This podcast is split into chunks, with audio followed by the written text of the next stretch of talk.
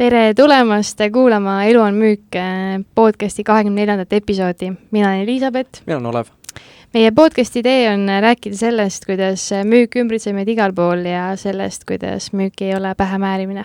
ja, ja kahekümne neljanda episoodi külaliseks on üks äge mees nimega Marek Truumaa kes äh, müügiteekonda alustas aastal kaks tuhat neliteist, olles ennem siis äh, insener ja on müünud siis nii kaubanduskeskustes telepakette kui ka konverentse Singapuris. ja lisaks tegeles ka, töötas ka automüügi valdkonnas ja hetkel on siis äh, töötamas ühes startupis, mis on turule töömas, toomas sellist rakendust, mis aitab siis kergemalt oma autosid järelturul hinnata ja müüa ja miks me üldse Mareki kutsusime, on see, et rääkida ka hommikuharjumustest, et äh, väga hull, juba kuus aastat on ta oma hommikuharjumusi igapäevaselt juurutanud. viimased kaks aastat on ta iga päev ärganud ka uuel aastal kell viis hommikul ja, ja ta iga hommik teeb sada kümme kükki, sada kümme kõhulihast, äh, sada kümme kätekõverdust ja viis pool minutit planku. nii et äh, respekt, et ma usun, meil kõigil on siit väga palju õppida. Jaa ja see episood on kindlasti väga põnev ja kõik äh, tarkuseterad on soovituslik siit üles korjata ja kui on soov nendest äh, just konkreetselt harjumustest äh, rohkem teada saada, siis seda saate kuulata episoodi teises pooles. ja kui sulle see episood meeldib, siis kindlasti soovita seda ka oma tuttavatele, sõpradele. ja follow ge meid Facebookis, Instagramis ja kuulake meid äh, Spotify's ja siis Apple podcastis. mõnusat kuulamist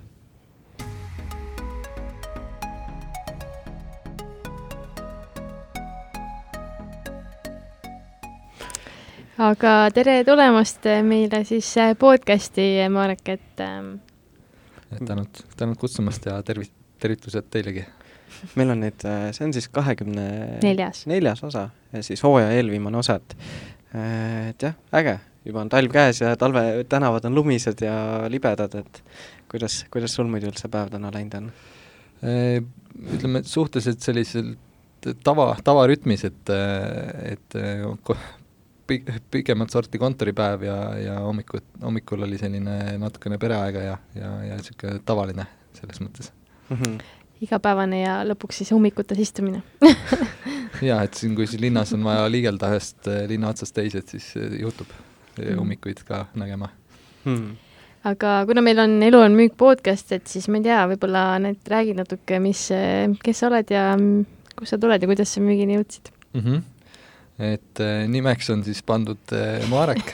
Ja siis äh, müügini jõudsin iseenesest aastal kaks tuhat neliteist, kuskil umbes samal ajal kui, no kui praegu, et ühesõnaga ja, ja see, see juhtus selles mõttes selline natukene isegi äh, isegi selline mitte planeeritult, et äh, kunagi ülikoolis või kõrgkoolis sai õpitud äh, teedeehitust ja seitse aastat seal valdkonnas töötatud ja, ja siis äh, juhtus seal üks selline olukord, et viimasel töökohal tulin siis pikemalt puhkuselt tagasi ja ülemus kutsus enda juurde, ütles, et rohkem ei ole siin sind vaja, et siia, et võid oma asjad kokku panna ja uue, uue väljakutse otsida, et, et siis äh, siis mõtlesin, et noh, et seitse aastat on tehtud, eh, erinevaid positsioone alt on üles tuldud redeleid mööda, et sel hetkel ma olin siis üks ühe osakonna juhataja ja ehitasin üles nagu uut meeskonda mm. -hmm. ja, ja siis, eh, siis mõtlesin, et okei okay,, et noh, et midagi peab siis elus muutma, on ju, ja, ja siis eh, otsustasingi, et kuna ettevõtlus on selline kaugem perspektiiv või olnud juba selline taustalt saatjav mõttetegevus pikemat aega juba sel ajal, siis, siis sai seal loetud ette paar raamatut, et äh, Kiyosaki raamat, et kümme asja, mida sa pead teadma enne müügi, enne siis palgatööst loobumist, oli vist selline raamat seal mm -hmm. tema sulest mm. -hmm. et soovitas siis, et äh, iga edukas ettevõtja on ka siis eeskätt edukas müügiinimene, et ja siis sai seal veel loetud üks müügi, müügiraamat läbi Blair Single, Singleri Müügikoerad hmm. et ja, ja siis, siis mõtlesin, et okei okay,, et noh, kaua neid raamatuid ikka loed, et lähme siis paneme asja tööle, et äh, hakkasin siis läbi käima suvalisi müügikuulutusi portaalides ja või müügiinimestele suunatud kuulutusi ja kandideerima ja, ja siis äh, juhtusingi siis kandideerima ka teiste kulutuste hulgas siis sellisesse asutusse nagu Sellit OÜ ja, ja siis Tarmo, Tarmo Tamme käe alla ma siis sattusin, et õppisin müügitekstid pähe seal mingi kahe, kahe või kolme päevaga ja kandsin ette ja siis öeldi, et selge, oled, oled, oled atesteeritud ja, ja tule neljandal jaanuaril siis tööle. Kusjuures ma korra küsiks nagu see, sa ütlesid seal tööde, teedeehitusettevõttes töötasid seitse aastat siis nagu nii-öelda alt üles ennast, on ju? jah kas see oli nagu, ütleme, sinu jaoks nagu esimene kogemus, kui nagu öeldi see, et, et lihtsalt mingi hetk tuleb see saatuslik päev, et kuule, enam, ei, enam ei ole sind vaja nagu, et ma mõtlen, ku-, kuidas sa ise üldse sellega nagu toime tulid või kuidas, kuidas sa sellest nagu välja tulid, et et see nagu noh, ma mõtlengi, et see võis nagu tollel hetkel täitsa nagu asjad pahupidi sinu jaoks lüüa või, või kuidas kuidas sinu jaoks nagu tuli? jah, et noh, ta oleks olnud tõenäoliselt suurem üllatus, kui ma oleks töötanud seitse aastat kõik kogu selle aja nagu ühes ettevõttes mm, -hmm. aga mul ütleme nii, et äh, selline äh, Ameerika üks selline motivatsioonikõneleja ja Les Brown on hästi öelnud oma eluloost, et kui ta kunagi alustas siis äh, sellise public speaking'u ja enese, eneseabi teemadega, et siis ta enne seda oli raadio DJ ja ta siis ka vist kolm või neli korda vallandati siis DJ ametist, enne kui ta lõpuks aru sai, et see amet ei ole nagu tema jaoks, et et mul oli siis nagu tõenäoliselt teedeehitusega midagi sarnast, et ma olin seitsme aasta jooksul seitsmes erinevas ettevõttes nagu, et seal oli vallandamisi ei olnud, mhm. ettevõtted lihtsalt lõpetasid tegevuse või, või äh, jah, et kas lõpetasid, seal oli üks välismaa ettevõte, kes lõpetas Eestis tegevuse, siis oli seal pankroti asju siin, aeg oli selline eelmise, eelmise ma-, masuaeg mm. -hmm et äh, aga jah, et see, no ütleme, selline vallandamine oli siis esmakordne, et see oli nagu selles mõttes küll selline esmakordne kogemus, aga no ei, ma selles mõttes nagu ei heitunud, et ma teadsin alati või noh, olen alati nagu olnud sellise positiivse elluvaatega, et et mm -hmm. ma üldiselt tean, et, et selline küll ma hakkama saan, et, et kui, kui on vaja kuskil uues kohas vette hüpata, et küll, küll ma saan, et et ega nende erinevate ettevõtetega oli samamoodi, igal pool pidi jälle hakkama tegelikult ju nullist ennast tõestama uute, uute inimeste jaoks, et kes sa nagu selline oled ja mida sa teha suudad, et hmm aga kui sa Sellitisse läksid, et kes veel ei tea kuulajatest võib-olla, et mis see Sellit siis tollal, millega, millega tegel-, tegeles? jah, et äh, Sellit oli siis selline müügiagentuur, mis pakkus siis ettevõtetele täismüügiteenust, ehk siis koostas nii müügitekstid ettevõtetele kui koolitas välja siis müügiinimesed ja, ja pani siis need müügiinimesed äh, selle ettevõtte tooteid müüma. et mina siis liitusin Starmani projektiga ja, ja töö siis äh, seisnes selles, et äh, minu esimene tööpäev oli Mustika keskuses äh, neljandal jaanuaril, hommikul kell üheksa naine viis autoga sinna, ütles, et jõudu ja, ja siis äh, läksin, läksin sinna müügi, täna, tänaseks edukas müügikoolitaja Andres Kiviselg oli mm. siis mu partner sel päeval, et võttis mind ilusti vastu ja ütles, et noh, tegime, harjutasime müügiteksti veel korra läbi ja ütles, et nii, näed, inimesed on siin ja hakka pihta, noh.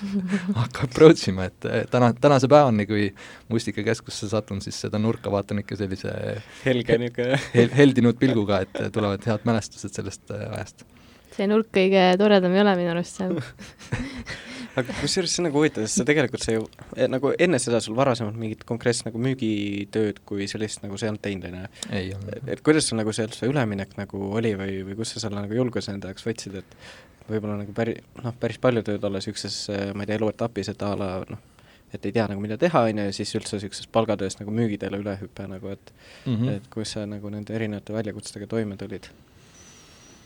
no ma enda jaoks nagu pigem eh, nägin seda kui sellist uut väljakutset ja mulle üldiselt nagu elus äh, tagantjärgi ka hiljem siin analüüsides, et ma pigem olengi selline inimene, kes otsib uusi väljakutseid äh, iga natukese aja tagant, et äh, selline üksluine töö mulle tegelikult üldiselt väga ei meeldi mm. -hmm. et ma otsin just nagu selliseid äh, teravamaid elamusi nagu elus, et ja see tundus nagu selles mõttes põnev ja mõtlesin, et ega mul midagi kaotada ei ole, et selles mõttes, et äh, proovin ära ja kui ei tule välja, siis ei tule välja, aga vähemalt ma olen proovinud ja, ja selles mõttes nagu et tundub, et õigustas ennast see käik hmm.. eluterve suhtumine, et ma ei tea, kust sul see tuleb nagu? ma ei tea, eks ta siin kuskilt seest on kasvades välja tulnud, et eks me ju, eks ma olen nagu niisugune maapoiss, et äh, pidanud nagu maalt äh, linna tulema ja, ja siin nagu hakkama saama, et selles mõttes, et ela, ela, ela, elasin külas, kus oli kolmsada inimest ja, ja käisin algkoolis, kus oli kaheksakümmend inimest ja keskkoolis, kus oli kolmsada inimest, et et selles mõttes nagu sealt siis siia Tallinnasse tulek oli ka niisugune omaette väljakutse alati. kus sa, kus sa pärit muidu oled siis? jaa, Saaremaalt, Põhja-Saaremaalt, sellisest külast nagu Pärsamaa ja mis on siis noh, nüüd on seal kõik üks vald, aga kunagi oli siis selline vald nagu Leisi vald, niisugune suurem, kus ang-, anglatuulikud on äh, seal üsna lähedal mul kodule ah.. olen seal Leisi kandis käinud ka, päris äge koht. okei okay. ma nii Saaremaaga nii kursis ei ole, et ma seal aga see, mis su, kuidas su esimene päev siis seal läks äh, siis? jaa, et ma tagantjärgi analüüsides äh, vaatasin, et mul ütleme siis seal selline otsemüügi puhul on siis kaks erinevat sellist aspekti, et üks asi on siis tellimus ja teine asi on siis müük, on ju, et tellimusi oli palju, aga müügiks kvalifitseerus see siis alles, mille eest sa siis lõpuks nagu said ka raha, on ju, oli siis, kui tehnik siis äh, selle uue teenuse kliendile nagu ära ühendas, et äh, aga ei, isegi, isegi mõned äh, said ühendatud, et selles mõttes oli ka, oli ka selline täitsa nagu raha, raha suutsin isegi teenida nii ettevõttele kui iseendale seal esimesel päeval vaata, Starman oli see, et oli nagu see satipanni lahendus nii-öelda? ei, et oli ikka kaabeltelevisioon ja, ja siis ah, okay, okay, okay. ja kaabli kaudu siis internet ka ah.. et jah, kortermajadesse me pakkusime seda, et meil on, eramajadesse oli ka niisugune antennilahendus, aga, aga seda panni pagus Viasat. jaa, jaa. aga kuhu sa üldse kokku selle tegid kokku mm,? Natukene vähem kui kaks aastat, et äh, seal kokku arvutasin, et kuskil kolmsada kuuskümmend või ütleme, niisugune kolmsada viiskümmend päeva oli keskustes või, või siis äh, ukselt uksele või seal sai ka tehtud selliseid äh, laada, laadapäevasid mm.. ma usun, need, need võisid kõige toredamad olla jaa, ei, see ikka, need olid alati niisugused hea vaheldus, et, et keskustes noh, samas me käisime iga päev põhimõtteliselt erinevates keskustes ka, et, et see oli mm -hmm. ka niisugune omaette vahelduv, vahelduv. aga mis sa ise, kui sa tagantjärgi mõtled, mis sa võib-olla sellest nagu keskusemüügi kogemusest kõige rohkem kaasa oled võtnud või mis sa ise kõige rohkem õppinud oled sellest? Inimtüübid, et kui erinevad on inimtüübid ja, ja kuidas siis erinevate inimtüüpidega suhelda, et kuidas aru saada, et, et kuidas sa üldse peaksid või millise inimesega on tegemist ja siis kuidas siis temaga nagu suhelda. Hmm.. et, et iseenesest joonistub väga lihtsasti välja nagu selline inimeste inimeste olemus, et, et mille, kuidas ne-, kuidas kellelegi läheneda ja millised inimtüübid meie siis sulle tundume jaa, et mul selles mõttes nagu alati peaks olema sellises nagu müügisituatsioonis, et praegu on niisugune nagu vestluse situatsioon, et äh, siin nagu selles mõttes äh, oleme võib-olla natukene nagu sellises äh, kesk, keskmisest nagu sellises äh, pingelisemas seisus nagu mõlemal poolel, et kui me oleks sellises vabamas kuskil peol või, või mõnel ko-, mõnel koktei-, mõne, ma ei tea, mõnel üritusel oleks kokku saanud, et äh, vestluses, et siis tõenäoliselt oleks nagu lihtsam mm. -hmm. aga üldiselt äh, kumbki teist ei tundu nagu selline kõige tum-, tugevam äh, selline dominantsem tüü-, et, et see on nagu, seda on kõige lihtsam nagu aru saada, et ettevõtja juhtide hulgas on hästi palju selliseid dominantseid isikusuidi, kes tahavad alati domineerida ja, ja siis alati ise otsustada ja siis müügiinimesena on nagu väga keeruline selliste inimestega hakkama saada, kui, kui sa oled nagu, tahad alati ise rääkida, kuigi tegelikult peaksid rohkem kuulama ja siuksed kärsitud, noh, mis sul on ja mis, mis on ja tegelikult, tegelikult Elizabeth on veits driver, aga hoiab tagasi ennast ma olen muutunud normilt vähem driverimaks, et selles mõttes. aga eks see nii, see on ka nii, oleneb sellest keskkonnast, kus sa oled, vaata, et ongi seal lisaks sellele, et a la kui tekibki see pingeline hetk, et mis isik see tüüp siis välja lööb ja nii nagu mm. -hmm. kellele sulle endale kõige rohkem müüa meeldis või mis inimestele? Noh, ma ise olen alati selline analüütiline tüüp, et ma, ma olen nagu see, kes äh, kõik äh, asjad viimase detailini nagu tahab läbi rääkida, et siis äh, mulle alati meeldis nagu nendele müüa, kes olid ka sellised nagu detailides kinni ja tahtsid nagu äh, täpselt teada, et millega ja kuidas midagi, et mu nagu lemmikküsimus on, et kuidas, mida, kuidas midagi töötab nagu, et mm, et siis, siis on see, et ah, ma võin sulle rääkida küll, on ju.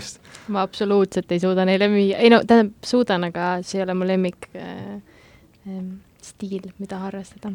Ja mul on kusjuures selles suhtes, mul on veits nagu sarnane, et mulle meeldib ka nagu niisugust nagu detailselt, detail, detailsemalt võib-olla müüa või nagu ongi, et see, et kui inimene küsib, et et mis, mis seal on või niimoodi, et siis saad nagu kuidagi rohkem vestlusesse minna, et ja. teine ongi see, et noh, mõnele pead lihtsalt mingi anekdooti rääkima, siis ta mm -hmm. isegi tootest ei räägi ühtegi sõna, on ju, ja siis lõpuks ta on ah, kuule, väga vinge, davai, paneme selle paketi kirja, on ju. no mul oli nendele kõige raskem müüa, et mm. mul eriti nagu teed kolleegidega koos tööd ja siis kõrvallauas on selline noh, nagu soolisi ebavõrdsusi ei taha nagu tuua, aga rohkem on selliseid inimesi naisterahvaste sea, seas nagu vähemalt nagu sellest müügikogemusest jäi selline mulje, et siis, siis rääkida, räägiti seal pingviinidest ja, ja mingitest loomadest ja, ja lõpuks oli müük nagu, et nagu pakettidest väga ei räägitud, et emotsiooni, emotsiooni ostjad olema ka. aga kas sa kuidagi tegid mingeid äh, teadlikke otsuseid ka, et nagu oma sellist äh, e, nii-öelda ekspressiivset külge arendada või, või kuidas sa nagu selle poolega toime tulid, et, et kui olidki sellised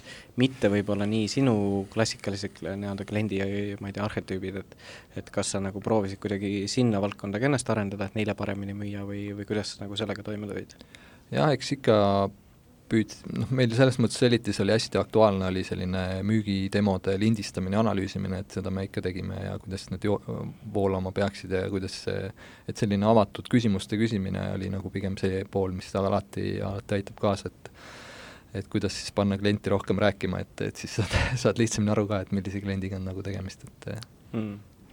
ma küsiks, et kuidas siis sinu müügiteekond siit edasi läks? Jaa, et pärast Sellitit ma liitusin siis äh,, ma Selliti ajal olin siis liitunud sellise te-, organisatsiooniga nagu investeerimisklubi, et äh, mida vedasid siis kaks äh, Tartu poissi Tõnis ja Marko. Hmm., et ja, ja siis Tõnis hakkas investeerimisklubi korral tegema koos ühe Eesti siis tuntuma investori kaup, kauplejaga Mikk Talpsepaga sellist Singapuri investeerimiskonverentsi projekti. Hmm ja, ja siis, äh, siis üks hetk ma sain siis sellest teada ja siis tundus nagu selline väga, väga põnev asi, millest nagu osa saada ja, ja siis käisin ja siis sõna otseses mõttes pitch isin ennast Tõnisele seal nii kaua, kui ta lõpuks ütles, et tule siis kontorisse ja vaatame, mis, mis me tegema hakkame. ja, ja nii me siis, nii me siis lõpuks äh, tegimegi selle konverentsi seal Singapuris ära, et väga äge, kui suur see oli või mis, mis kontekstis, mis konverentsist me räägime üldse mm? -hmm. et ta oli mõeldud äh, sellistele varahaldu- va,, varajuhtidele siis nagu, kellel on siis oma sellised äh, varahaldusettevõtted, millel on siis äh, reeglina nendel siis puudub luba siis oma selliseid fonde reklaamida ja, ja siis tänu sellele siis Mikul tekkiski mõte, et võiks siis kutsuda või panna kokku sellise varahaldurit haldusettevõtete juhtide või varahaldurite selline kutsuda kokku maailma parimad varahaldurid ja, ja siis lasta neil siis rääkida, et kuhu suunas turud liiguvad ja, ja üldiselt selline nagu lõpuks meie ürituse nimeks sai siis World Wealth Creation Conference, et mille siis nagu eesmärk oligi siis nagu seda finantstarkuse jagamine ja sellist rahalise ebavõrdsuse siis olukorda vähendada maailmas mm. -hmm. et kus siis edukad varajuhid räägiks siis, et mida peaks siis tegema, et olla nagu äh, edukas äh, aktsia, finantsturgudel.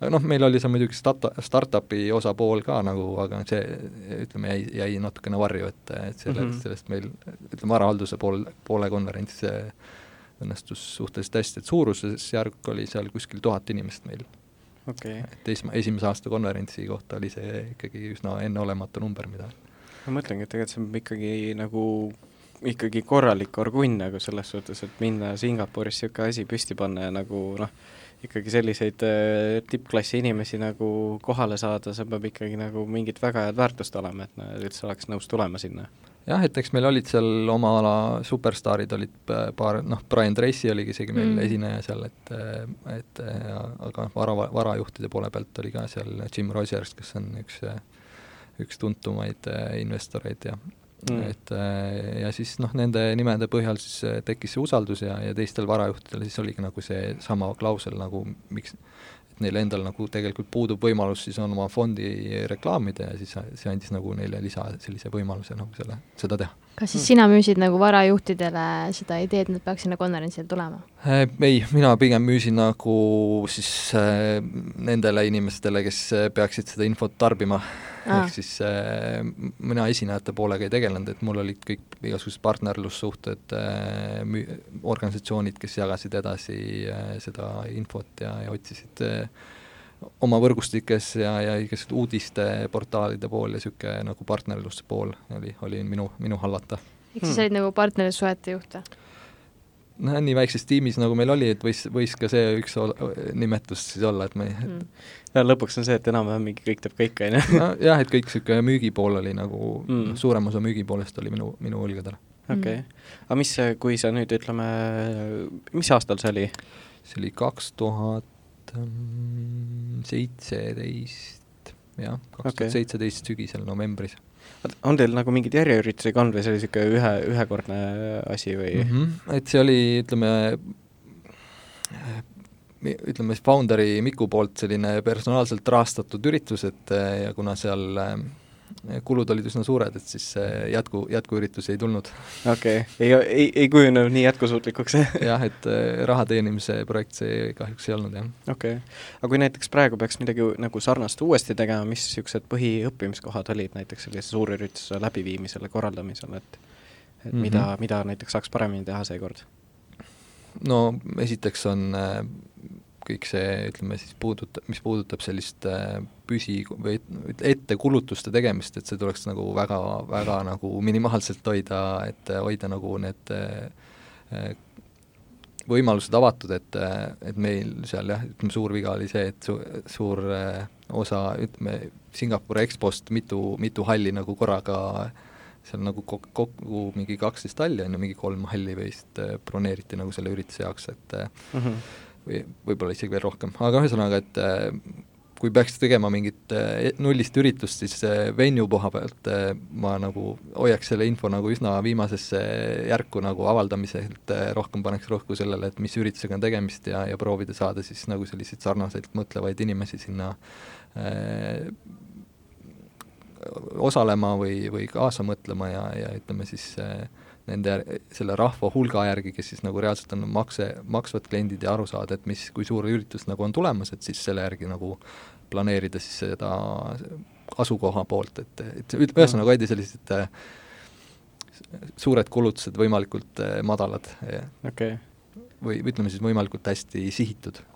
Okei okay,, hea soovitus, eks ta, kulusid on alati kõige raskem hallata ka vaata või nagu see, et järjest hakkab kokku kuhjuma igast asju nagu jah, et alguses on nagu kõigil suured ootused ja lootused, on ju, aga reaalsuses, kui see nagu päev lähemale hakkab jõudma, et siis võivad need nagu muutuda ja siis nagu downscale ida on alati keerulisem kui up, up, upgrade ida, et mm -hmm, seda kindlasti. kuidas sa tunned, et eh, see selline müügikogemus, mis sellest teistmoodi oli kui aktiivmüügis?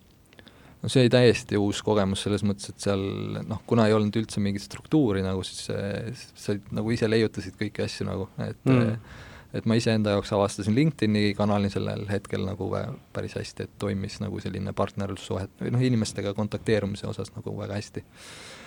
et selline B2B nagu kontakteerumine, ma arvan, ma arvan, parim kanal, et kus seda teha, et ja, ja, ja üldiselt ka, et selline väli, välismüük oli, oli nagu väli, välisturgudele müük oli, oli põhifookus, et seda nagu enne ei olnud teinud mm. -hmm. aga siis nagu sealt edasi ütle, mis on näiteks mingi järgmine niisugune nagu töökogemus oli või mis sa, mis sa nagu teinud oled? jah, et kui ma sealt äh, tagasi tulin, siis ma mõned kuud puhkasin ja, ja veebruaris, noh tegelikult äh, jah, detsembris ma tulin tagasi, jaanuar, detsember-jaanuar siis äh, lakkusin Aavus, Aavus jälle, üritasin kuidagi taastuda, et see novembri nädal enne üritust oli seal ikkagi päris intensiivne, et seal unetunde oli ikka ülivähe mm aga jah, et äh, siis mõtlesin, et mis on siis, mida edasi, et noh, müügi, müük on nüüd tehtud, aga mida siis nagu, mis on need tooted nagu, mida ma tahaks müüa, et mida, mis mind nagu erutavad äh, nagu toodete mõttes ja, ja mm -hmm. läksin siis automüüki, et äh, mm -hmm. mõtlesin, et okei okay,, et autod on niisugused huvitavad mida müüa ja siis sattusin jah Inkscape'i siis esialgu küll Jaguari Land Roveri müügikonsultandi kohale, aga kuna see bränd on, seal üsna tugevad kolleegid olid ees, ma, seal ütleme, surve lisa, lisamüügi inimesi otsida tuli pigem nagu väljastpoolt kui majast seest, et eh, seal nagu Inkscape'i grupi tasandilt mm., mitte nagu majast seest mm. -hmm. et ja, ja siis eh, seal liikusin üsna, majas sees üsna varsti edasi Mazda müügi poole peale, siis tegin seda kuni kuni aasta, peaaegu aasta lõpuni, ehk siis ühesõnaga mingi üheksa, üheksa kuud olin äkki, äkki seal projektis. Hmm. No ega seal ütleme, mingi Jaaguarid ja Range Roverid väga palju nagu neid ei ole, kes mingi kõnnib esindusse sisse, et et tere, et äh, ma tahaks nüüd ühte punast Range Roverit osta, et et jah, et see suur turg on jah, ütleme üsna nagu välja kujunenud, et seal äh, väga ei ole jah neid inimesi, kes, kes sellise, et hommikul ärkan üles ja mõtlen, et täna võiks vaadata, et äkki mis, mis Jaguaris või Land Roveris müügis on. Mm.. aga kuidas kusjuures üldse, nagu mul on isiklikult ka tegelikult ütleme, autod on nagu niisugune mingil määral nagu Äh, nõrkus ja, ja ma olen ise ka mõelnud kunagi, et tegelikult tahaks täiega nagu proovida autode müüki mm. -hmm. et, et näiteks kui sa nagu võtadki selle, noh, sa pigem, sa võtsid selle raskema ampsu alguses, et minna mm -hmm. nagu neid nagu high-ticket autosid müüma, on ju, mhm. et aga kui sa nagu võtad äh, nagu mõned, ma ei tea, tagasivaated, et, et mis, mis nagu aitab kaasa üldse niisuguse nii-öelda võib-olla siis kallimaid autosid müüa või mida, mida peaks nagu silmas pidama, kui sinna maailma vaadata ja mida nagu teha, mida mitte teha mm? -hmm. noh, automüügis iseenesest äh, tuli see minu persoon nagu äh, kasuks, et automüügis on, ta on hästi, selles mõttes ikkagi ka äh, pigem rohkem selline tehniline ja ütleme seal noh, tänapäeva autod on nagu arvutid põhimõtteliselt, et seal mm. on nagu neid erinevaid funktsioone ja erisusi ja nüüd see on, see on meeletu nagu eh, juba neid erinevaid formatsioone, kuidas neid autosid kokku pannakse, et mm -hmm. et jah, et eh, mida odavam auto, seda vähem formatsioone ja seda lihtsam on nagu see toode enda jaoks selgeks saada ja kui see toode on selge, siis on nagu lihtsam ka juba kliendile nagu näha, näha nagu sellise usaldusväärsena mm -hmm. kliendi eh, teenindaja või müügiinimesena, et, et see usaldus ikkagi sellise läbi tooteteadlikkuse tekib. jaa, jaa et, et kui, kui see tuleb saali inimene, kes on võib-olla enne sõitnud selle autoga ja siis ta re-, reeglina teab sellest autost nagu päris palju, et siis kui sa oled seal täiesti uus, et siis on päris keeruline seda usaldust tekitada, et eh, müüa siis seal selliseid eh, kuuekohalise numbriga tooteid. oled seal taksotrehvi ja noh, kolmeliitrine mootor ja päris hea just. aga kuidas äh,, kuidas seal automüügis üldse on, et seal kas inimesed töötavad siis äh, tulemuspalgal ainult või, või kuidas üldiselt? mina oskan nüüd ainult Inkscape'i näitel rääkida, et mm. ma selles mõttes liiga palju teistest majadest ei tea, aga mm. meil oli suuresti küll tulemustasult, et see koosnes üsna mitmest eh, elemendist ehm, mm., siis müüdud, müüdud autode hulgast, eh, siis seal mõõdeti väga palju ka seda kliendi tagasisidet, et kuidas see mm., kuidas kliendid hindasid sinu teen-, teenindust, on ju, et ja, ja siis jah, seal põhimõtteliselt jah, niisugune kolm-neli erinevat osa, et seal oli niisugune mingi väike miinimum fiksosa ja siis ühesõnaga niisugune läbimüügi pealt ja, ja siis klientide tagasiside, on niisugune kolm põhilist osa mm. -hmm ähm,. aga ma lihtsalt mõtlen, et vot ma sain aru, et üks väljakutse, see tundub automüügis ongi see, et sa pead nagu tehnilist hästi palju teadma ja kui tuleb teadlikum inimene, et siis tõmbab veits lukku ära, aga mm -hmm. aga mis, mis veel sellised suurimad õppetunnid, mis sa sealt kaasa said enda jaoks nagu? Jah, no üks selline praktiline õppetund oli see, et, et kui meil, kui ma varasemalt ei olnud kunagi mõelnud, et miks inimene peaks endale uusi autosid ostma ja alati oli nagu selline järelturu keskne, ja siis järelturu peal tunduvad nagu autod kõik suhteliselt ühe hinnaga, on ju, et vaatad, et seal noh, Audi maksab sama palju kui mingi Toyota, on ju, et siis mõtled, et noh, et ei saa aru nagu sellest, et miks peaks ühte või teist nagu eelistama, on ju. Mhm aga, aga väga, väga nagu selle autotööstus sees olles sai väga nagu hästi aru, et premium-klassi autodel on ka premium-klassi siis ütleme, sellised eh, ülalpidamiskulud, on ju, et et kui sa, kui sa lähed eh, ostma endale järelturult eh, Audit, siis arvesta ka sellega, et kui sa selle autoga hoolduses käid, et siis su hooldushinnad on nagu korda kaks võrreldes, korda, korda kolm võrreldes sellega, mis nad on seal eh, Toyotal või Mazdal või, või mõnel muul sellisel eh, mitte, mitte premium-klassi siis eh, autol mm. -hmm. et see oli selline hea õppetund mulle endale nagu, aga noh, teisest küljest jälle sain ka kinnitust, et miks võiks osta uut autot, on ju, et siis ongi see, et sul põhimõtteliselt selline risk, et sul midagi nagu katki läheb ja sa pead hakkama selle eest maksma, mida sa ei tea, et sa oska ette ennustada, on nagu väga minimaalne, mm. et garantiid, asjad, uued, uued, et ja, ja päeva lõpuks ka ütleme, see kuutasu ei tule väga palju erinev võrreldes sellega, mis see mis siis kasutatud autode liisides on, et noh, kui seda välja suudad osta, siis on, siis loomulikult, aga, aga kui nagu liisingu toodet tarbid, et siis, siis pole nagu väga suurit vahet, et, et ta selline täiesti uus või, või siis vähe kasutatud. Mm.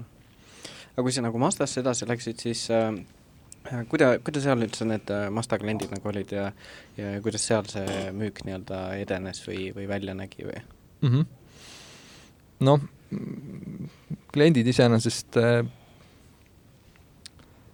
palju oli ikkagi inimesi, kes käisid proovimas erinevaid marke, võrdlemas, on ju, et üldiselt äh, igal brändil on ka oma sellised äh, välja kujunenud äh, taagad, mis käivad autodega kaasas, et kunagi Mazda oli Eestis üks enim müüdud autosid, aga pärast seda siis äh, tekkis seal palju selliseid korrosiooniprobleeme ja siis vana hea need Mazda, Mazda kuued, mis oli see mingi, ma ei mäleta, mis aastavahemikus see oli, et ta oli jah, see oligi niisugune kaks tuhat kuus kuni iga, või ütleme siis mudelid kuni sinna kaks tuhat üheksa aga sinnamaani kuskile sõitsid esimesest välja, siis juba poritiib roostetas umbes, noh.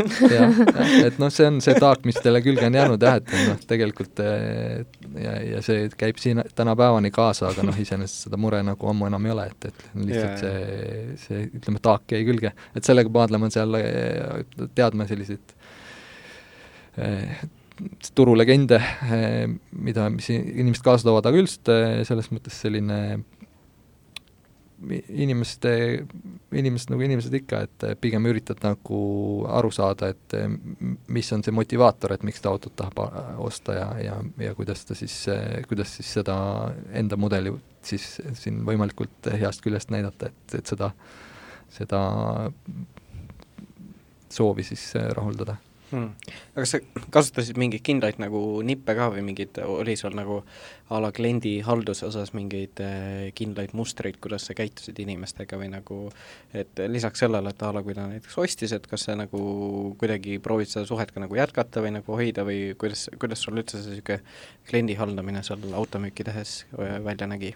Mm. -hmm. no jah, et minu see aeg seal keskuses oli nii lühike, et ma selles mõttes nagu enda jaoks võtsin välja küll need inimesed, kellele ma müüsin, aga selles mõttes nagu sellist äh, kordusoste sealt reeglina välja ei kujunenud mm. -hmm. no ja selleks peaks ja. nagu pikem ajaperiood olema, just.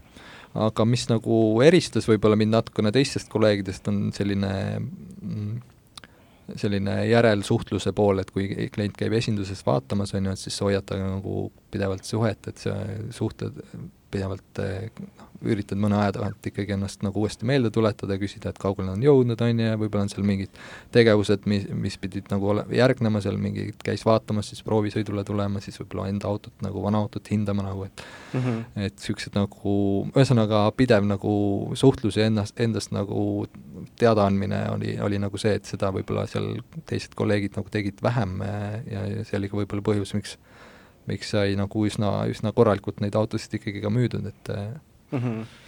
et noh, selline vastutulemine siis kliendile igate, igate moodi, kui võimalik, on ju, et seal mm -hmm. teinekord olid loovutused sellised väljaspool tööaega ja mingid sellised asjad, et noh, auto nagu kätteandmised, et ja, ja, ja okei okay., aga ütleme siis, äh, kui see nagu automüügiperiood äh, sinu jaoks nagu lõppes, siis äh, mis sinu nagu niisugune järgmine väljakutse oli, mis, mis pärast seda tuli mm? -hmm. no sealt äh, oligi, et äh, vahepeal olin siis äh, automüügi käigus äh, esimest korda isaks saanud, et äh, siis tekkis nagu selline uus mõõde pereelus ka, et ja see automüügipäevad olid sellised hommikul poole üheksast õhtul poole seitsmeni, et mm -hmm. äh, oli siis esinduses enamasti siis tööle ja koju sõit ka veel, et et seda perega koos olemise aega jäi üsna väheseks, et siis, siis otsisin nagu uusi väljakutseid nagu selles osas, et kuidas nagu rohkem või ütleme siis sama palju teenida, aga, aga vähem, vähem siis aega panustada sellesse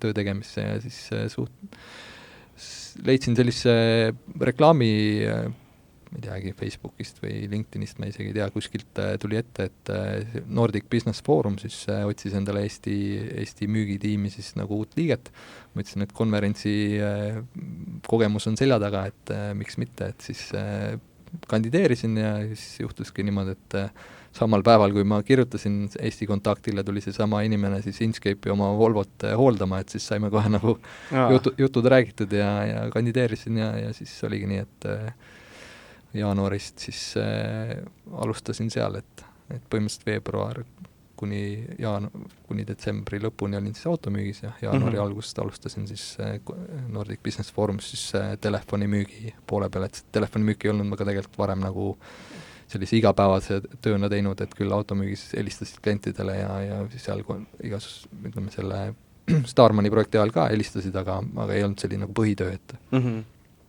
Et jälle uus nagu müügielement siis, mida, mida siis enda jaoks siis omandada. kuidas sulle telefonimüüki teha meeldis?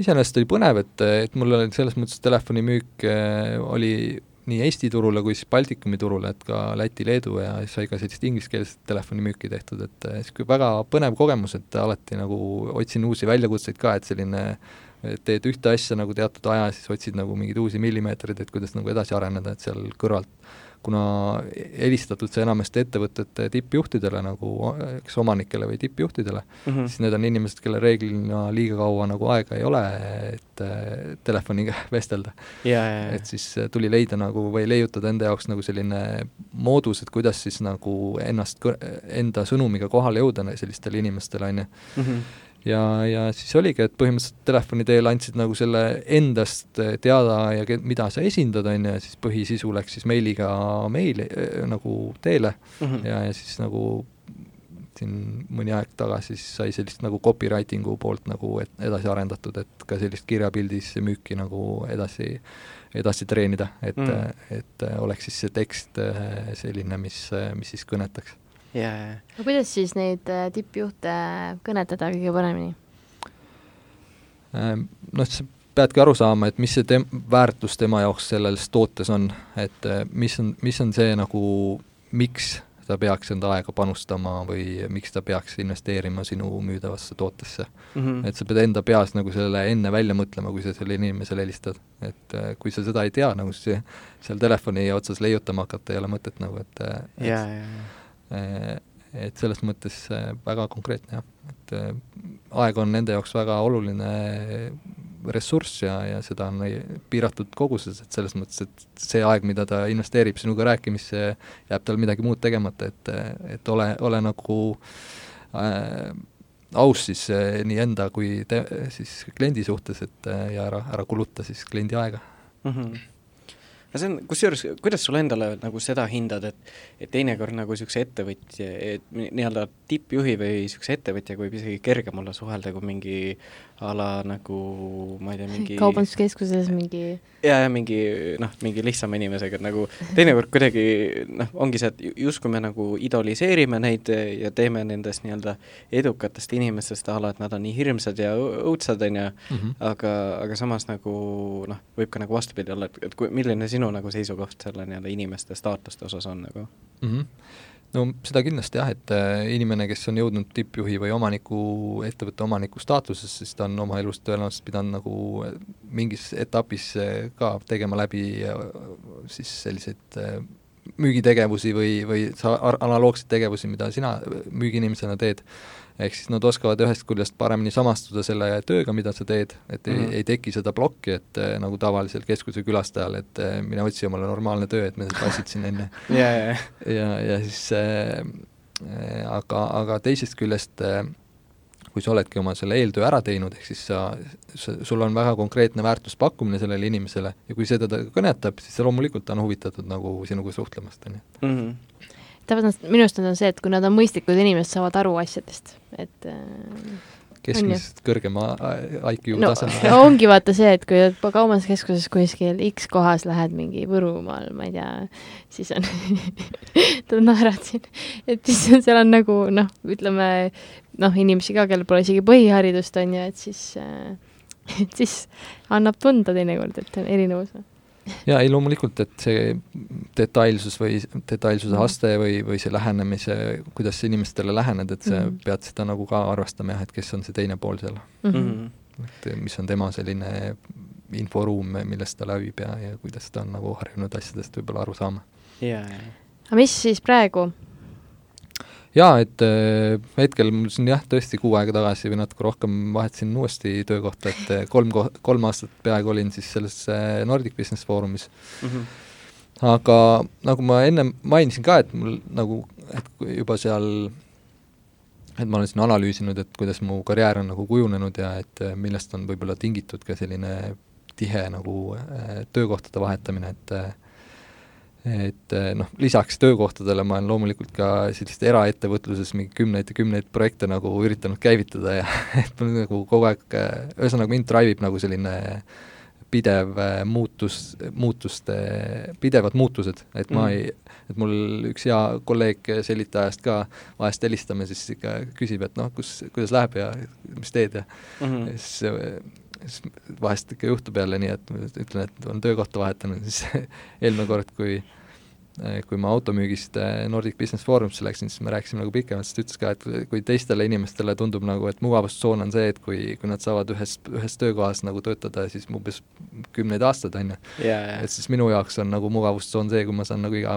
väikse aja tagant siis nagu töökohta vahetada, et mm -hmm. et, et mulle nagu isik-, mul üks nagu väga tun-, tugev väärtushinnang, mille ma lähtun, ongi selline isiklik areng, et ma pidevalt otsin nagu võimalusi, kuidas nagu isiklikult edasi areneda et eh, kui mul mingi etapp nagu saab eh, põhimõtteliselt selliseks, et ma ei tunne, et ma, ühesõnaga ma hakkan ennast seal liiga mugavalt tundma või ma ei tunne, et ma areneks igapäevaselt, siis mul nagu alateadvus hakkab kohe tööle nagu, et okei okay,, nii, mida, mida, mida muuta, mida muuta, kuidas muuta nagu. Hmm.. et siis eh, täna olen liitunud, olen liitunud jah, siis startup'i meeskonnaga, et see, ehitame siis taaskord autotööstusele sellist äh, tehnoloogilist äh, lahendust, et kuidas siis äh, klientidel oleks võimalik enda autosi, autole siis selline ostupakkumine või hinnang saada siis mitte esindust külastades, et selline tehno-, ütleme siis üle, üle veebi, et töötame sellise rakenduse kallal, et noh, iseenesest toode on valmis, et täna lihtsalt liitus, minu liitumine oligi seotud siis toote turule toomisega hmm.. aga see siis, äh, kas ma saan õigesti aru, et äh, a la äh, nagu müügi jaoks, kui on vaja seda nii-öelda hindamisakti, on ju, äh, et siis nagu see rakendus aitab siis selle nii-öelda mm -hmm. no põhimõtteliselt, et kuidas tänapäeval nagu autos, et kui, ütleme, et sa lähed automüügisalongi, sul on enda vana auto, on ju, siis automüügisalongis keegi vaatab selle üle, on ju, ja siis mm -hmm. annab sellele mingi hinna, on ju. et siis ja. oleks võimalus see auto siis informatsioon selle au-, sinu auto seisukorra kohta saada siis kätte nagu äh, siis äh, digitaalselt. et okay. ei peaks sõitma nagu esindusse koha peale, et me oleme töötanud välja siis sellise lahenduse, et äh, saab teha sellise kolmsada kuuskümmend kraadi võtte siis ümber auto mm -hmm. video, videokujul ja pluss siis vajalikud pildid ja, ja selline kiirem, kiirem info nagu su auto seisukorra kohta, tegelikult ei olegi väga palju infot vaja nagu edastada, et olulisem ongi niisugune visuaalne pool, et kuidas see auto nagu visuaalselt välja näeb, et mis, mis siis hindajaid kõnetab. jaa, no eks seal on ju palju faktoreid, vaata, et a la mingid kriimustused, täkked, mingid mõlgid, on ju. jah, eks neid saad ju kõiki, nagu see on eraldi, eraldi koht selle jaoks, et saad üles pildistada, lähivõtteid teha, sellest näi-, näidata nagu täpsemalt, et mm. tänapäeva inimeste mobiiltelefonid on juba kordades võimsamad kui kui, kui mingid profikaamerad siin neli-viis aastat tagasi olid, et selles mõttes saab väga kvaliteetset materjali toota aga mis see, mis see nagu ettevõtte väärtus on või mis, mis väärtus nad turule toovad nagu? jah, et äh, pigem ongi see, et äh, ühest küljest nagu vähendada sellist mõttetut äh, klientide aja kulutamist sellega seoses, et nad peavad käima nagu esindustes, et ongi, kui klient nagu valib mitme erineva margi vahel, on ju, siis ta peab igas mar-, margi esinduses käima oma autot eraldi kuskil näitamas ja hindamas, on ju, et oleks võimalus seda siis nagu digitaalselt teha, et kodus teed ühe võtte ära ja saad nagu edastada selle siis mm -hmm. kõikidele esindustele, kellel vaja on yeah,. Yeah. et, et see on nagu see põhi, põhi nagu ütleme, et ühest küljest säästa kliendi aega, sest see, igasugused uuringud on näidanud, et klientidele kõige vähem meeldib nagu esinduses tegeleda siis noh, ühesõnaga, et neil, nad tahavad esinduses käia küll, aga nad tahavad seal käia nagu oma uut autot siis vaatamas ja proovimas sõitma, on ju, aga kõik muud tegevused on nende jaoks ebaolulised ja nad tahaks need kõik nagu veebis teha. Mm.. see ongi minu arust huvitav, et see, et nagu tegelikult esinduse või nagu ongi hästi paljudel inimestel on oma vanast autost suht nagu savi minu arust, siis mul on hea sõbra nagu isa töötab ka ühes nagu müü-, seal nii-öelda automüügisalongis ja siis on see, et ja noh, tundub, et tegelikult nagu need kliendid saavad suht nagu alahinnatud pakkumisega oma nagu vanadele autodele või nagu, et ongi, et a la auto võib-olla reaalne väärtus järelturul on mingi kaheksa kuni kümme tuhat, on ju, siis esinduses pakub mingi kaks pool tuhat, inimene nagu okei okay,, savi, ma saan uue auto hinnalt selle maha, siis davai, andke mulle uus auto vastu jah, et see on see, ütleme siis, mis oli põhimõtteliselt ütleme, osaliselt on ta ka veel tänapäev, aga vaadates seda, mis autoturul hetkel toimub, siis see noh, järjest vähem on see nagu järjest rohkem lähevad kasutusautode hinda, järjest vähem on nagu autosid turul, mida üldse müüa mm. -hmm et äh, aga, aga jah, et, et mida me, meie siis nagu oma rakendusega nagu üritame luua, ongi selline nagu ka ütleme, selline marketplace, kus siis inimesel on võimalus siis saada pakkumisi nagu erinevatest äh, automüügisalongidest nagu ühe korraga, et et mm., et, et tekiks selline konkurents siis omavahel, sisemine konkurents, et ei oleks sellist nagu äh, Äh, pimedusse jäämist, et, et klient ei tea, mis tema auto väärtus on ja siis automüüja kasutab seda ära, et, et seda mm. nagu vältida.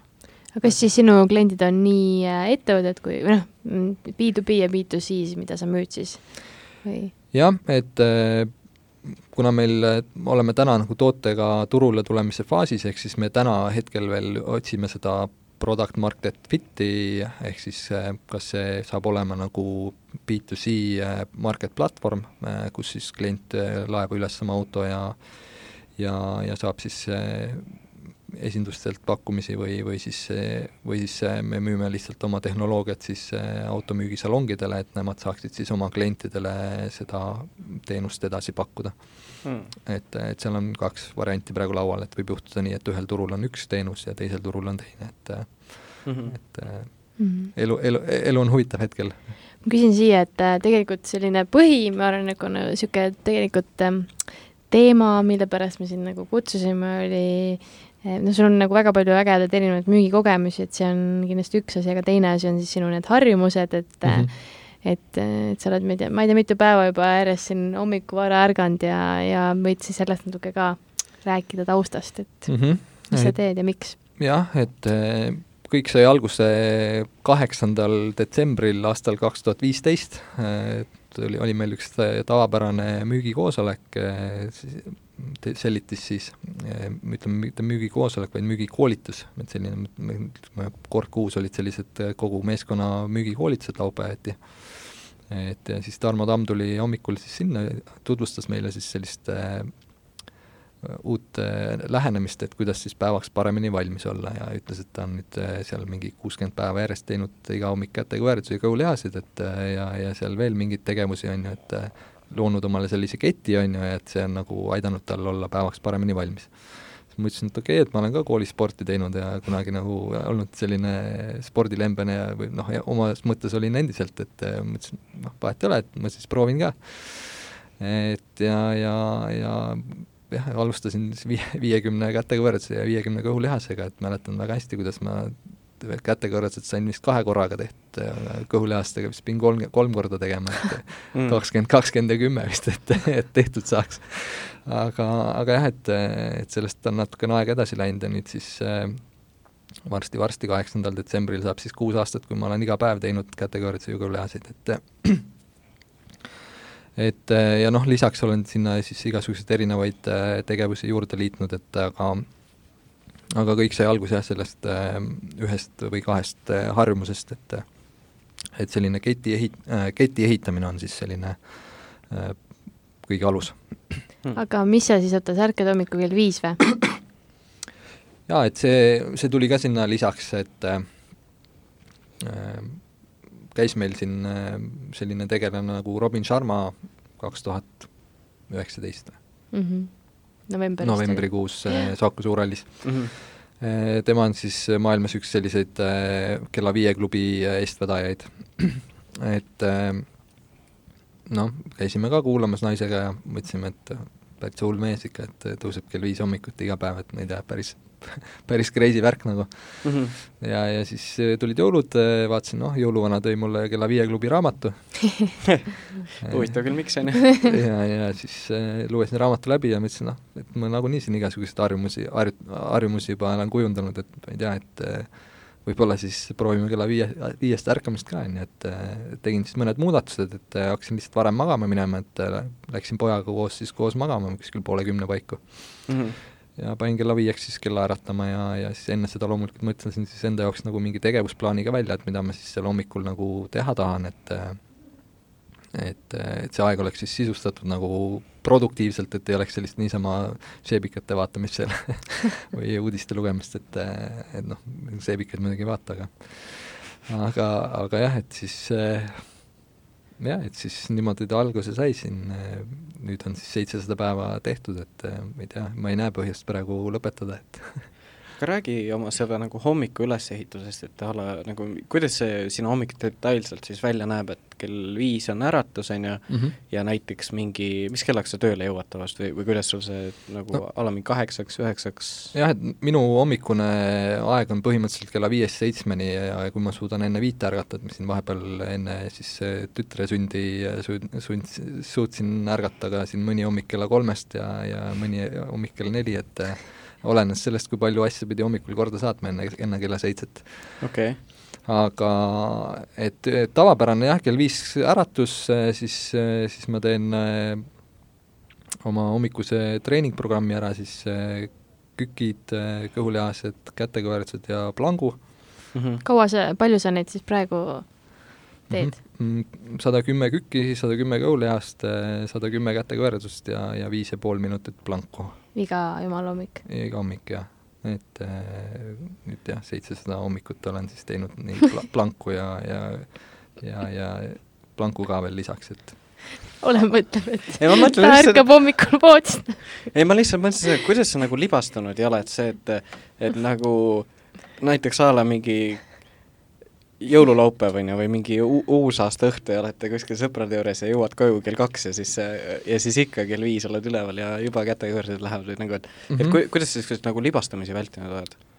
jah, kõige raskemad ongi niisugused uusaasta õhtud olnud, et siis äh, rakette tahaks ikka näha, aga kui kell viis pead ärkama, et siis läheb tõesti seda uneaega natukene väheks, aga no see on üks päev, et see elab üle hmm okay.. et Robin Sharma iseenesest nagu propageerib seda ka, et võid päeval nagu vahest nagu natuke tukastada, et ma üliharva olen seda teinud, aga mõnikord on ette tulnud, et aga ei, libastumisega on selles mõttes, et ma ju alustasin äh, ikka nende kätekõverduste ja kõhulihastega nagu palju varem, et äh, ikka paar aastat varem, on ju, et mm -hmm. et kui sa oled nagu teinud mingeid asju nagu nii pikalt, et siis mingite äh, muud, uude, uute asjade sinna juurde lisamine ei ole nagu keeruline mm. -hmm. et kui sul on tekkinud see harjumus midagi teha, siis seda mitte teha on raskem kui teha, et mm -hmm.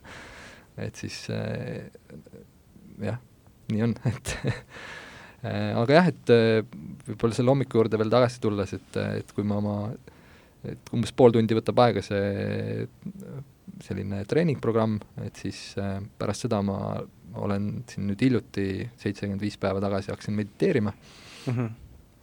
Et siis ma kakskümmend minutit mediteerin, siis mul on koostatud üks selline enda ütleme siis unistuste ja siis selline afirmatsioonide ja selline töövihik nagu, et siin ühe, ühe koolitaja järgi tegin mm., siis ma vaatan seda, selle iga hommik läbi nagu, et loen seal mingid asjad nagu läbi, et mul oleks selline teatud siht silme ees ja fookus paigas e,. Siis jo, joon vett, et ma ise olen enda jaoks nagu mõõtnud, et selline kolmkümmend lonksu, et selline üsna suur kogus vett nagu, et kuna inimene, inimese keha koosneb suures osas veest, et siis me ööl, ööga kaotame väga suure koguse vett ja mm -hmm. pärast eh, treeningprogrammi ka veel, et, eh, et siis ma nagu tarbin sellise suurema koguse vett korraga. kolmkümmend lonksu, mis on mingi liiter midagi siis? Eh, ei ta päris liitrit ei ole, et on ütleme selline kuskil neli-viissada milliliitrit, midagi sellist. aa ah,, okei okay,, okei okay,, okei, siis ja. on päris niisuguseid massiivseid lonkse ei pane hommikul ei, ei mõtlesin niisugune, et nagu umbes ka-, kaks-kolm klaasi, et ütleme yeah., kui on suurem klaas, siis kaks klaasi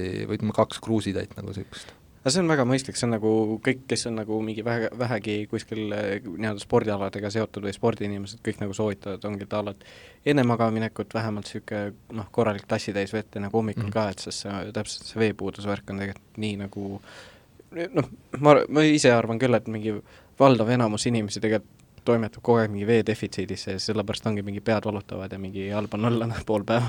jah, ja kõhud tühjad, et äh, tegelikult on ka, janu on äh, siis äh, traditsiooniliselt välja kujunenud, ehk siis kuna meie esivanemad said enamus oma veest siis toitainete kaudu, ehk siis puuviljad, siis juurviljad, et siis mm. hästi veerikkad toidud olid, on ju, et siis tänapäeval sööme mingit fabritseeritud toite, kust on vesi välja pumbatud, on ju, et siis et siis äh, keha annab signaali, et äh, januga samamoodi, et ta nagu on harjunud, et äh, evolutsiooniliselt, et kui on, kui on janu, et siis noh, et sa saad söögiga seda vedelikku nagu mm, -hmm. et siis tekib selline nälja, näljatunne.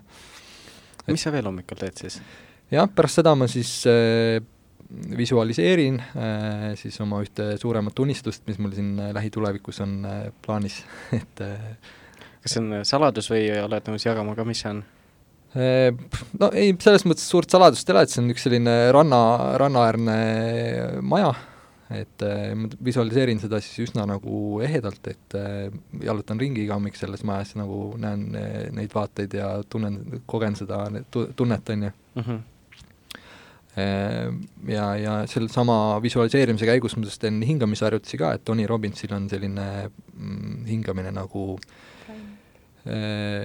noh, see on siis, see rütm on siis põhimõtteliselt üks, neli, kaks, ehk siis äh, ma teen seda nagu siis niimoodi, et ma hingan kümme sekundit sisse, nelikümmend sekundit hoian hinge kinni ja kakskümmend sekundit hingan, hingan välja ja siis nagu uuesti kümme sekundit sisse, nelikümmend hoian hinge kinni ja kakskümmend sekundit välja. et aga võib, võib teha ka niimoodi, et viis sekundit sisse, kakskümmend hoiad kinni ja kümme välja, on ju, et, et selline noh sagedus mis selle funktsioon on või mis see, mis see annab nagu mm? -hmm, ütleme siis peaks sinu keha puhastama siis mürkidest, et mm., et see on, ütleme siis hingad äh, õhku sisse ja siis välja hingad alati kauem kui sisse, ehk siis nagu hingad nagu sellest nagu enda seest välja mm. Äh, siis äh, mürke okay.. et see peaks olema siis selline põhifunktsioon. no pärast seda ma kirjutan natukene päevikusse ka, et mul on selline lihtsalt mingid väga basic asjad eelnevast päevast, mingi mingid eredamad asjad, mis on meelde jäänud või mm, -hmm. või mõni, mõnikord kirjutan ka seda, mis on nagu tänasel päeval äh, ees, ees tulemas, ette tulemas või et mm -hmm. äh, siis äh, tänulikkuse harjutused, kümme asja, mille suhtes ma tänulik olen, et äh, alati käin iga hommik üle ja, ja siis äh, jah, ja põhimõtteliselt ega seal pärast seda lähen külma duši alla äh,, seda ma olen ka siin mingi selle aasta harjumus, et kuskil kakssada viiskümmend päeva olen iga hommik teinud mm. -hmm. et äh, Wim, Wim Hof on siis see tüüp, kelle, kust see tuli, et äh, kaks, kaks minutit siis külma vee all mm.. ma vaatasin, Eestis on ka kusjuures mingi Wim Hofi koolitaja tekkinud ja mm -hmm, võib küll olla jah, et ta on ju iseenesest ei ole meist üldse kaugel, on ju Hollandis, et yeah, ta on, see akadeemia on ju täitsa selline tegus, et, et sealt mm -hmm. saab, saab õppida et ma iseenesest nagu muudes asjades liiga palju ei ole snitti võtnud, aga selline mm, no ma mingi hetk tundsin, et see hommik hakkab liiga üksluiseks minema, et siis ma mõtlesin, ma loon natuke rohkem värvi siis sellise külma dušiga sinna, et mm. et jah, külmal dušil on võlu olemas, et oleme ise, isegi seda kogenud ja teinud, ega mm -hmm. praegu hetkel ma ise ei tee, aga, aga tegelikult nagu ma, ma ise kusjuures, ma nagu, mulle täiega meeldib see teema, sest mul on nagu, ma kuidagi olen nagu oma selle hommikurutiinid suht nagu paigast nagu lasknud või et lihtsalt nagu ongi see, et, et, et, et vahepeal ma ikka jumala lappes, ütleme sellega. aga nüüd ma olen nagu ka veits nagu rohkem nagu kätte võtnud ennast, nüüd on mingi vist äkki teine, teine nädal on kuskil poole peal või nii, et ma olen ka nagu mõned niisugused kindlad tegevused paika pannud, et et mina, mina ärkan siis kella üheksaks et, et tagasihoidlik, et ja... Marek on neli tundi päevast juba siis. ei no ma, Marek mõtleb, noh, neli tundi ma olen selle ajaga juba kõike ära teinud, on ju. ma olen kontoris tavaliselt selle aja aga jah, et aga samas ma tegelikult ma tunnen, et sellel nagu see, et kui sul hommik on organiseeritud ja nagu sa oled mingid asjad äh, paika pannud, siis nagu see aitab paremini päevale vastu minna versus see, et nagu täiesti kuidagi nullist hakkad jälle leiutama nagu oma päeva nagu. Ei, igal juhul, et see planeerimine, et, et sa tead, mida, mida sa tegema hakkad, on ju, see on oluline, et mm. ma küsiks siia, mis sa tunned, et milline selline kõige suurem äh, mõju on sellel hommikurutiinil, mis, mis see annab või nagu, mida see sulle andnud on inimesena mm? -hmm. no jah, seda on enne ka minu käest küsitud ja, ja õnneks, õnneks on äh, selle, sellele üsna lihtne nagu vastata, et siis need tulemused on äh, üsna selgesti näha, et põhimõtteliselt kui ma tean, mida teha, siis mul nagu absoluutselt igasugune hirm mingite asjade tegemise ees on kadunud, ehk siis ma nagu, kui ma, kui mul on nagu noh, kui ma võtan endale mingi asja eesmärgiks, siis ma lihtsalt teen selle ära nagu, et mul nagu ei ole nagu seda, et ma hakkan kartma või põdema või midagi, et nagu ma ei, mul ei ole nagu sellist, sellist hirme ei ole enam nagu, ma olen lihtsalt avastanud. Hmm.. Okei okay,, väga hea ähm.. vaata, me peame varsti siin äh, otsa kokku tõmbama, saad küsida mingi küsimuse ja lõpuküsimused mm,. kusjuures ma tahtsin sellist asja küsida, ma nagu Äh, see nüüd tuleneb sellest äh, Tim Ferrisest, et ma vaatasin, et ta nagu hästi paljudelt inimestelt äh, küsib sellist asja, et et kuna sul on nagu erinevates valdkondades kogemusi ka, et võib-olla mis on niisugused nagu halb nõu, mida inimestele nagu antakse nagu erinevates valdkonnas, kus sa ise töötanud oled mm? -hmm jah, nagu mis sa ise nagu tunned, et mida sulle nagu õpetatud, aga samas, mida sa ise võib-olla, millesse sa nii väga ei usu või või, või nagu mis nagu kuidagi ei make'i nagu sense'i? kas mm -hmm. siis mhm. võtame näiteks seda sellitajad või, või ma ei tea, selle näiteks selline lähi, lähi, lähitulevikust, et et ei pea päris sinna algusesse tagasi minevikust? jah, no üks asi, mis mul pähe tuleb, on see, et et võib-olla nagu noh, ma ei tea, kas see on nagu sada protsenti vastus su küsimusele, aga et nagu tihti inimesed mõtlevad, et nad peavad kõiki asju nagu või enamus asju nagu üksinda tegema või ise ära tegema nagu mm. -hmm. et julge nagu küsida abi ja ära nagu karda, et, et keegi vaatab sulle siis nagu halvasti selle peale, et kui sa nagu ise natukene kui sulle endale tundub, et sa nüüd selle küsimuse tõttu näid nagu rumalana või midagi sellist, et mm -hmm. et ma arvan, et see on nagu, see on võib-olla äkki üks asi, mida, mida nagu võiks mõelda okei okay., et niisugune liigne, liigne nagu hirm, äh, ma ei tea, kas abituse osas või nagu see, et et a la proovi ennem ise asjad nagu välja selgitada ja siis alles umbes küsi abi või nii? ma tean, et see on üks asi, millega ma ise olen ka nagu palju maadelnud, et, et mm. selline mm. alati tahan kõike nagu ise ära teha, et õpin ise ujuma ja õppisin mm. siin kaks tuhat üheksa, kaheksateist ise ujuma, et ei võta ujumistreenerit ja hmm. ja niisugune nagu mõttetu teema, et see pole palju kiiremini, kui sa lased nagu kellelgi, kes seda asja oskab ja igapäevaselt teeb, nagu omandad, omandad mingeid asju oluliselt kiiremini. -hmm.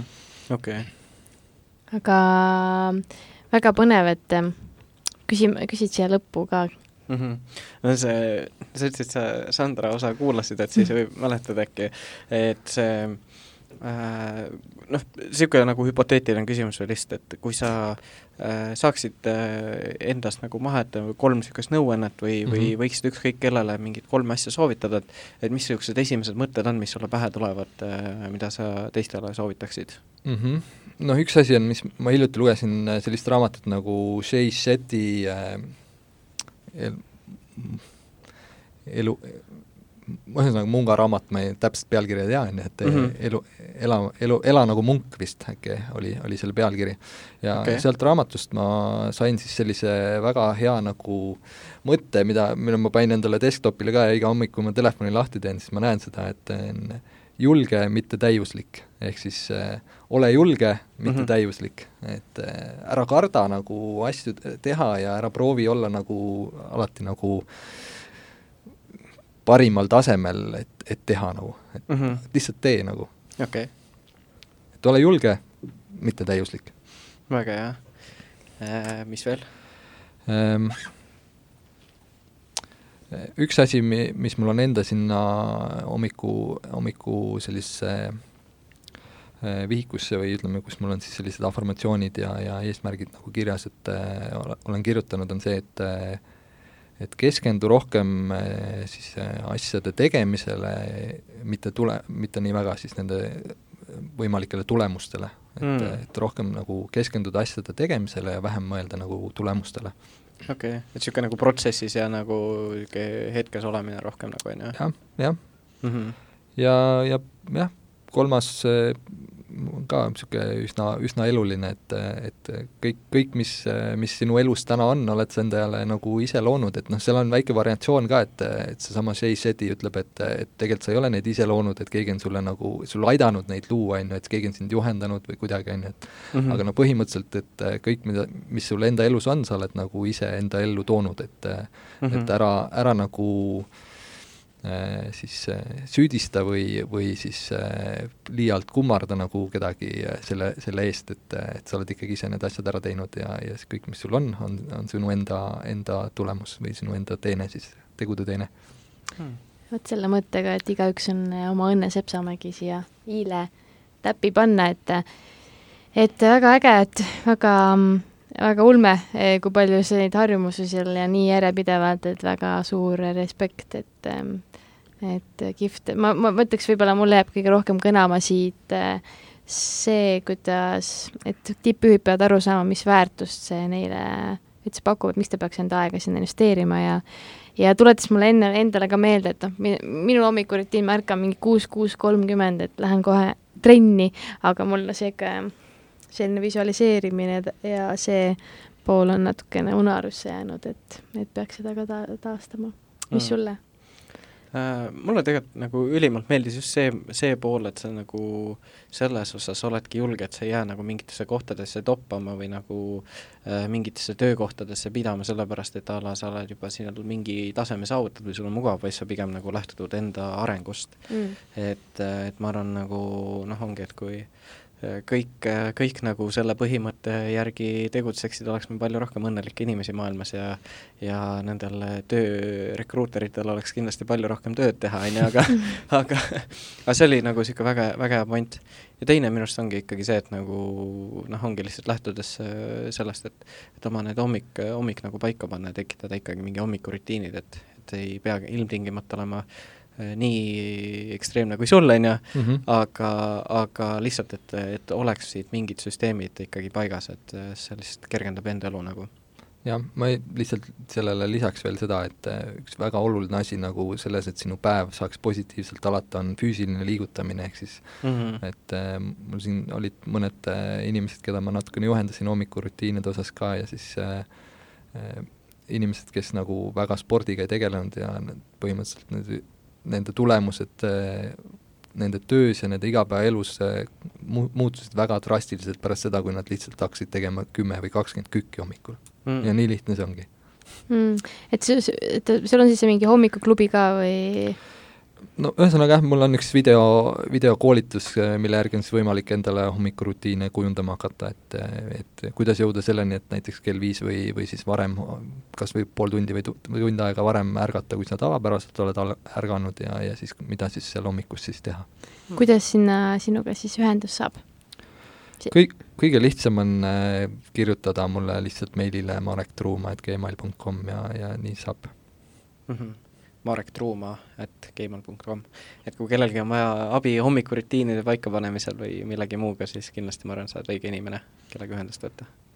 jah, et natukene on neid asjadega tegeletud, et, et selles mõttes võib-olla oskan samastuda mm. -hmm. jaa, aga super, aitäh jagamast, et ähm, follow ge meid ka siis Facebookis ja Instagramis ja kuulake ja. siis ja jah, et kindlasti väga äge on see ka, et kui sulle see episood meeldib, kindlasti anna meile tagasisidet, kirjuta, kirjuta, mis sa ise õppisid sellest ja jaga seda ka oma tuttavatele, et, et kellel näiteks võib-olla oleks vaja abi paremate, paremate hommikurutiinide loomisel, siis saada see episood neile ja või keegi, kes tahab näiteks automüüki proovida või mida iganes. ja, ja, ja, ja siis me oleme ka väga tänulikud, kui paned siis sellel platvormil, kus sa seda episoodi kuulad, meile ka follow, et kas siis näiteks äh, Apple podcastis, Spotify's või mõnel muul platvormil, kui sa satud seda kuulama. ja nii ongi, aitäh! ja kuulmiseni! kuulamiseni jah, või kuulmiseni tšau tšau!